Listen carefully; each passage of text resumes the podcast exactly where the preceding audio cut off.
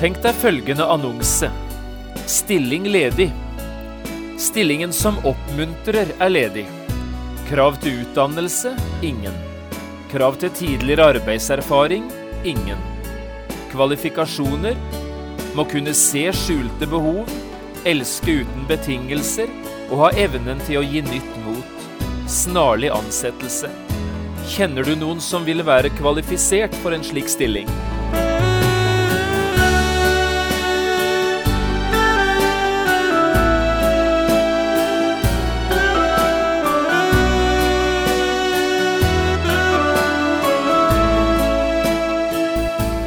Hjertelig velkommen til et nytt program i serien Vindu mot livet.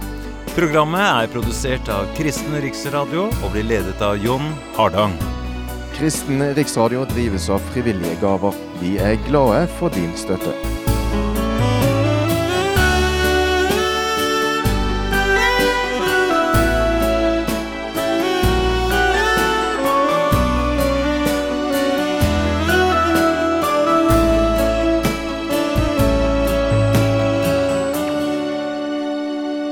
Vi skal i dag fortsette vår programserie om det å bygge en bibelsk karakter.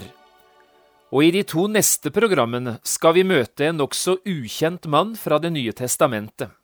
En mann med det spesielle navnet Onesiforus.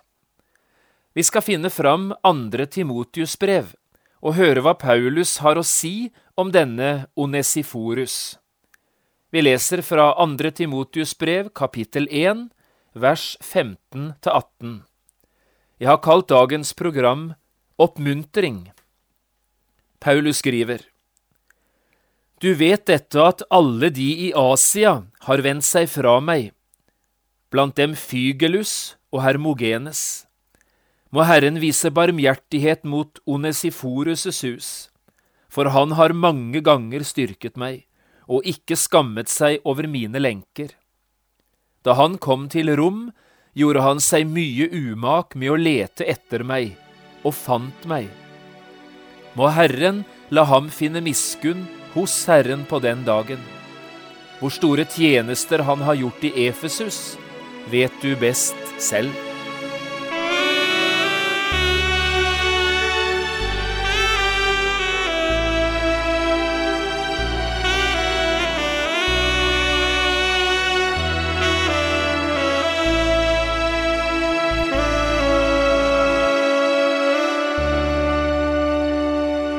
Tenk deg følgende stillingsannonse. Stilling ledig. Stilling som oppmuntrer er ledig. Krav til utdannelse ingen. Krav til tidligere arbeidserfaring ingen. Kvalifikasjoner må kunne se skjulte behov, elske uten betingelser og ha evnen til å gi nytt mot. Øyentjenere frarådes å søke. Snarlig ansettelse. Hvis du hadde sett en slik annonse, kjenner du noen i din familie eller i din vennekrets som var kvalifisert for en slik stilling? En venn som virkelig var et omsorgsmenneske, som alltid har oppløftende og ikke dømmende ord å komme med, og som det alltid oppleves forfriskende å være sammen med. I så fall er du et privilegert menneske. Rundt omkring oss finnes tusenvis av mennesker som opplever sitt liv som en tørr og livløs ørken, og som har ett eneste stort ønske. Tenk om jeg kunne møte et menneske som ser meg, og som bryr seg. Tenk om jeg kunne møte en oase i ørkenen. En mann sa det slik en gang, vi trenger alle oppmuntring for å leve. Uten oppmuntring dør vi langsomt, som sure, triste mennesker. Kanskje du også selv kunne tenkt deg å stå i en slik oppmuntringens tjeneste, og ha denne forfriskende virkningen på dine omgivelser, på dine medmennesker. Da skal du følge godt med i disse to programmene som vi nå er i gang med, for her skal vi møte et av Bibelens fineste og beste eksempel på et menneske som virkelig sto i denne oppmuntringens tjeneste. Bibelen forteller oss nemlig om en mann som kunne ha søkt en slik stilling som vi beskrev fra begynnelsen i dagens program. Han ville vært den perfekte jobbsøkeren. Onesiforus var denne mannens navn. Onesiforus er ikke blant de personene i Bibelen vi synes vi kjenner. Navnet hans minner mest om en skrivefeil. Hvis du i det hele tatt har lagt merke til dette navnet i din travle og tankeløse bibellesning. Og det er heller ikke ofte vi hører om han i Bibelen. Han er nevnt bare to ganger, og begge gangene i Paulus' siste brev, andre Timotius brev. Først i kapittel 1, og så i kapittel 4. Og det var det første av disse to bibelavsnittene vi nå leste sammen fra begynnelsen av, i dagens program. Det er denne mannen, oppmuntreren Onesiforus, Paulus' gode venn og medarbeider, det er han vi skal snakke om i disse to programmene.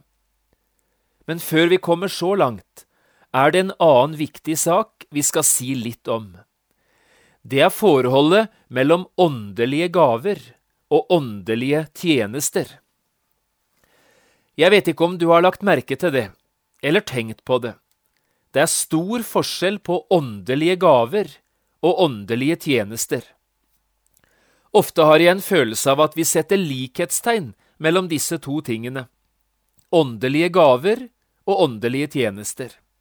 Men dette handler altså ikke om samme sak, det er to forskjellige ting. La oss prøve å få litt klarhet i dette, og vi tar utgangspunktet i Romerbrevet 12, et av de flotteste kapitlene i hele Bibelen når det gjelder å vise oss forskjellige måter å tjene Gud på. Her i Romerne 12 leser vi om begge deler, både de åndelige gaver og de åndelige tjenester. Vi hører ganske mye om nådegaver i vår tid, altså det vi kaller de åndelige gaver, men betydelig mindre om åndelige tjenester, eller det vi med et annet uttrykk kunne kalle for kjærlighetsgjerninger eller barmhjertighetsgjerninger. Romerne 12 er ett av fire viktige kapitler i Bibelen som forteller oss om nådegavene, om de åndelige gaver. De tre andre kapitlene er første Korinterbrev 12, Efeserbrevet 4 og første Petersbrev kapittel 4.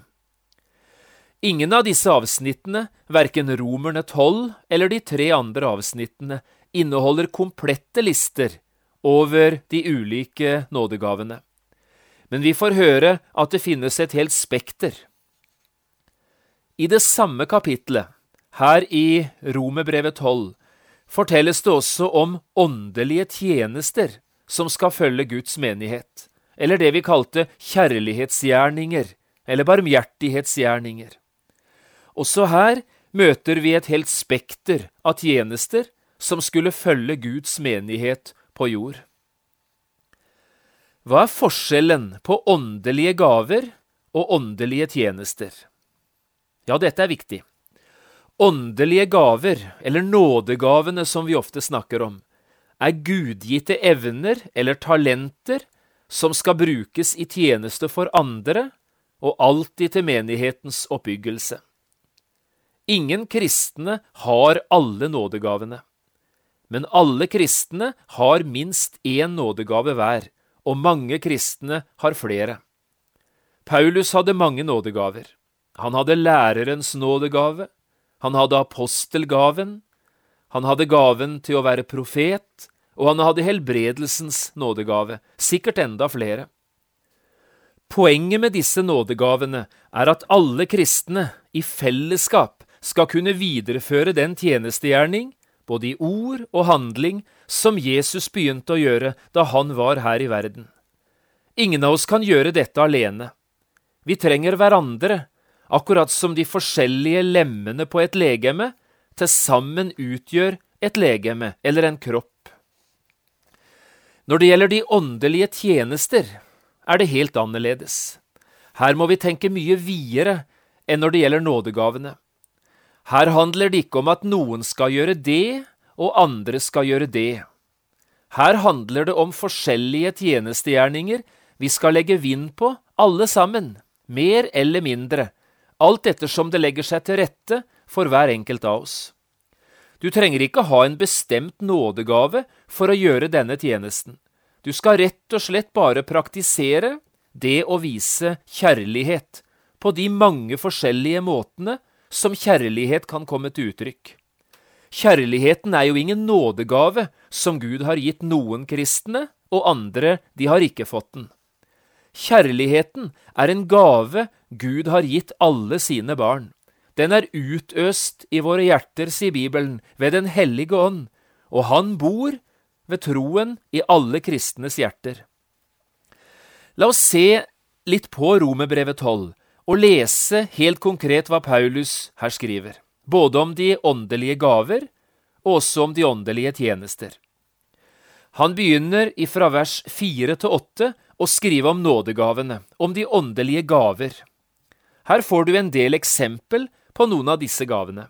Paulus skriver, For på et legeme har vi mange lemmer, men ikke alle lemmer har samme gjerning.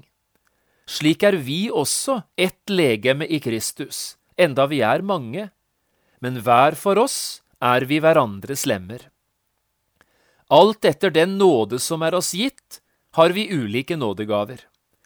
Om noen har profetisk gave, skal han bruke den i samsvar med troen. La den som har en tjeneste, ta vare på tjenesten. Den som er lærer, må ta vare på lærdommen. Den som formaner, på formaningen. Den som deler ut gaver, må gjøre det med et redelig sinn. Den som er forstander, må være det med iver. Den som øver barmhjertighet, må gjøre det med glede. Ingen av oss har alt dette selv, men vi trenger alt sammen like fullt. Og poenget for den enkelte av oss er at vi bruker det vi har. Hvis alle gjorde det, så fungerte Kristi legeme, Kristi menighet, slik Gud hadde tenkt. Men så fra vers 9 begynner Paulus å beskrive de åndelige tjenestene som vi altså alle sammen har et felles ansvar for å praktisere. Her trenger du ingen spesiell nådegave. Du skal bare forsøke å praktisere et liv i kjærlighet på den måten Paulus konkret utfordrer oss til her. La oss lese det Paulus skriver fra vers 9.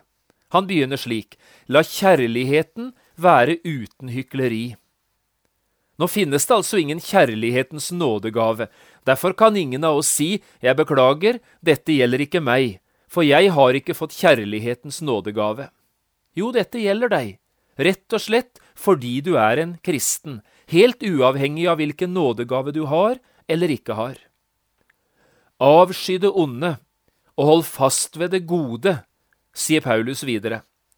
Dette handler om hellighet, om det å leve et hellig liv. Nå finnes det ingen hellighetens nådegave. Derfor kan ingen si eh, dette gjelder ikke meg, for jeg har ikke hellighetens nådegave. Dette er noe som gjelder alle. Dette er slik vi er kalt til å leve, hver enkelt av oss, til ære for Gud og til glede for hverandre. Dette er vår åndelige gudstjeneste, sier Bibelen. Og slik kunne vi bare fortsette med å kommentere vers for vers det vi leser. Men nå kutter vi ut kommentarene, og så leser vi det videre slik Paulus skriver. Hør på dette. Vær varmhjertet mot hverandre i broderkjærlighet. Kappes om å hedre hverandre. Vær ikke lunken i iveren, vær brennende i ånden, tjen Herren. Vær glade i håpet, tålmodige i trengselen, vedholdende i bønnen. Kom de hellige til hjelp i deres nød, og legg vind på gjestfrihet. Velsign dem som forfølger dere, velsign og forbann ikke. Gled dere med de glade, og gråt med de gråtende.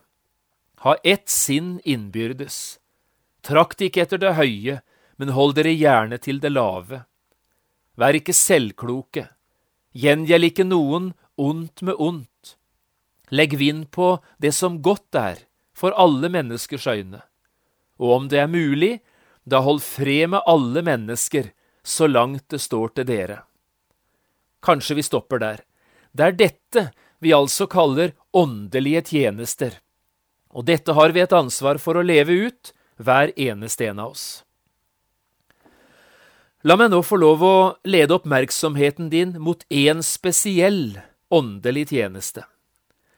Det er ikke så ofte vi møter selve ordet jeg nå tenker på i Bibelen, men saken, den finnes der, hele veien.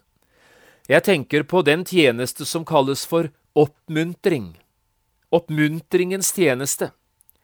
Altså det å leve slik at du oppleves som en forfriskning, som en mild sommervind, som en kald klut på en varm panne for andre mennesker. Oppmuntringens tjeneste.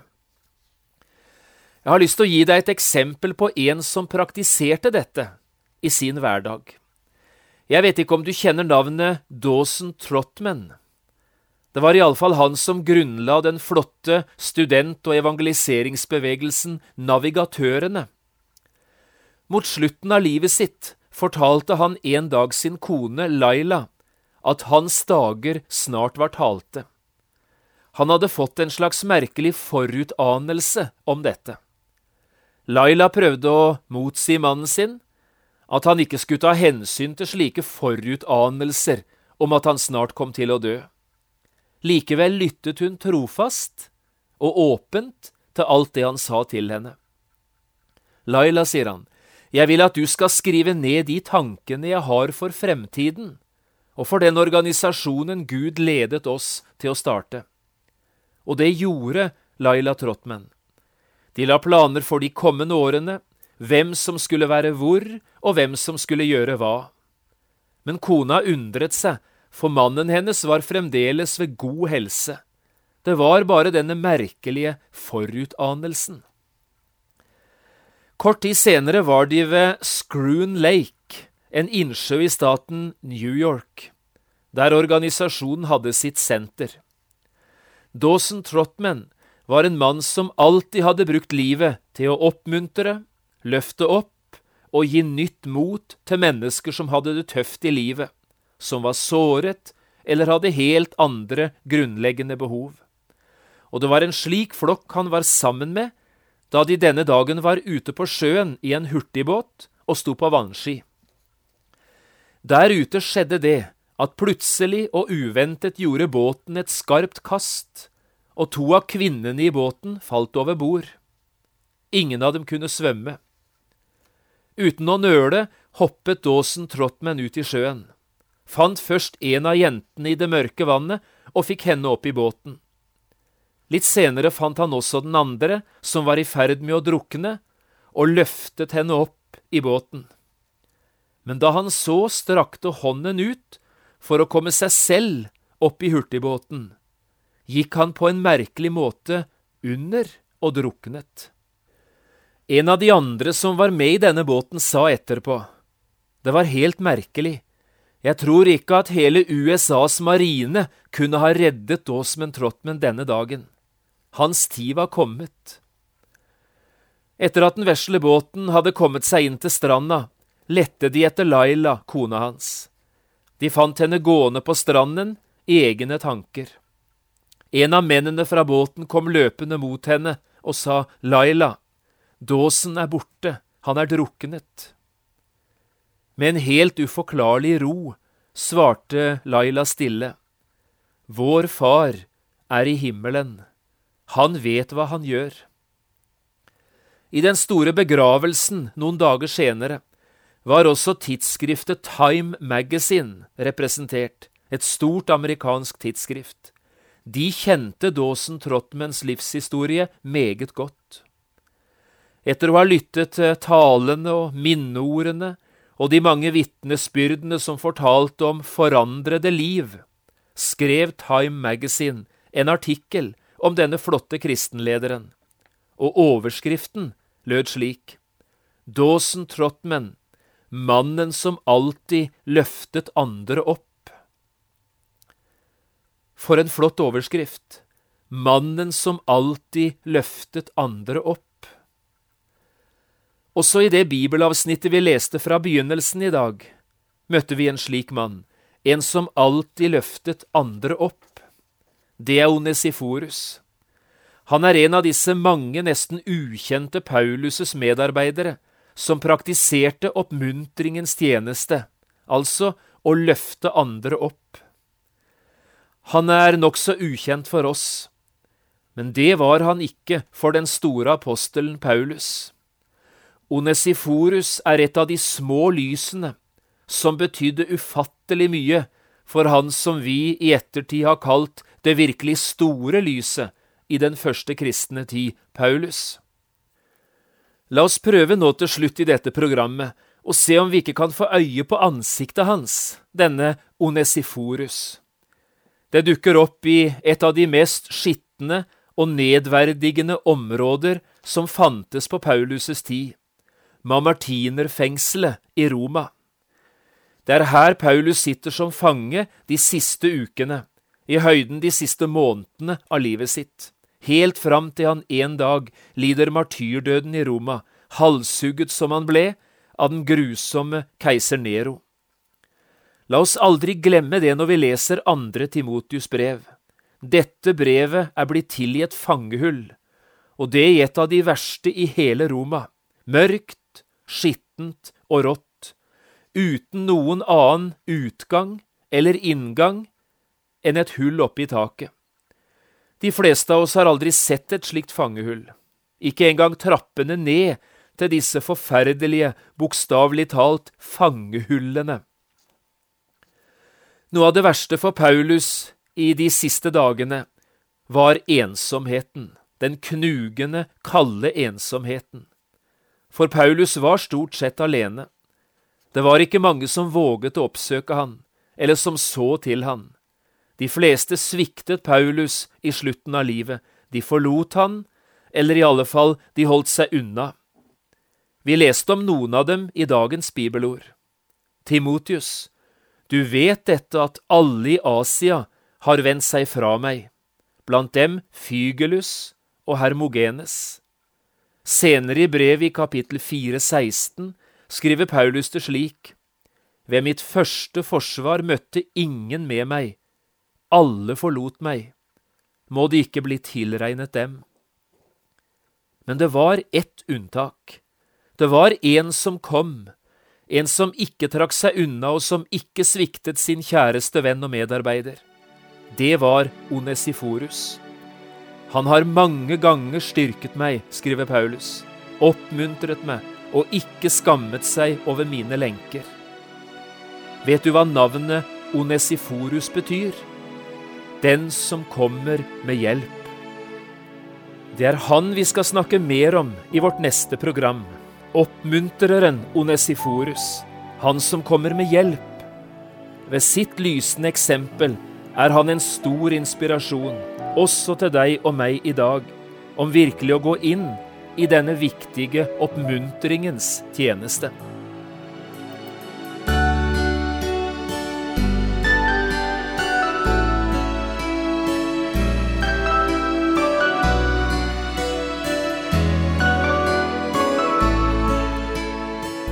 Du har hørt på et program fra serien Vindu mot livet med John Hardang. Programmer i denne serien kan også kjøpes på CD fra P7 Kristen Riksradio, eller høres på internett på p7.no. Har du spørsmål eller kommentarer til det du nå har hørt, kan du ta kontakt med oss på telefon. Da bruker du telefonnummer 56 32 17 01. Du kan også sende oss en e-post. Adressen er vml.krøllalfa.p7.no. Takk for i dag, og på gjenhør.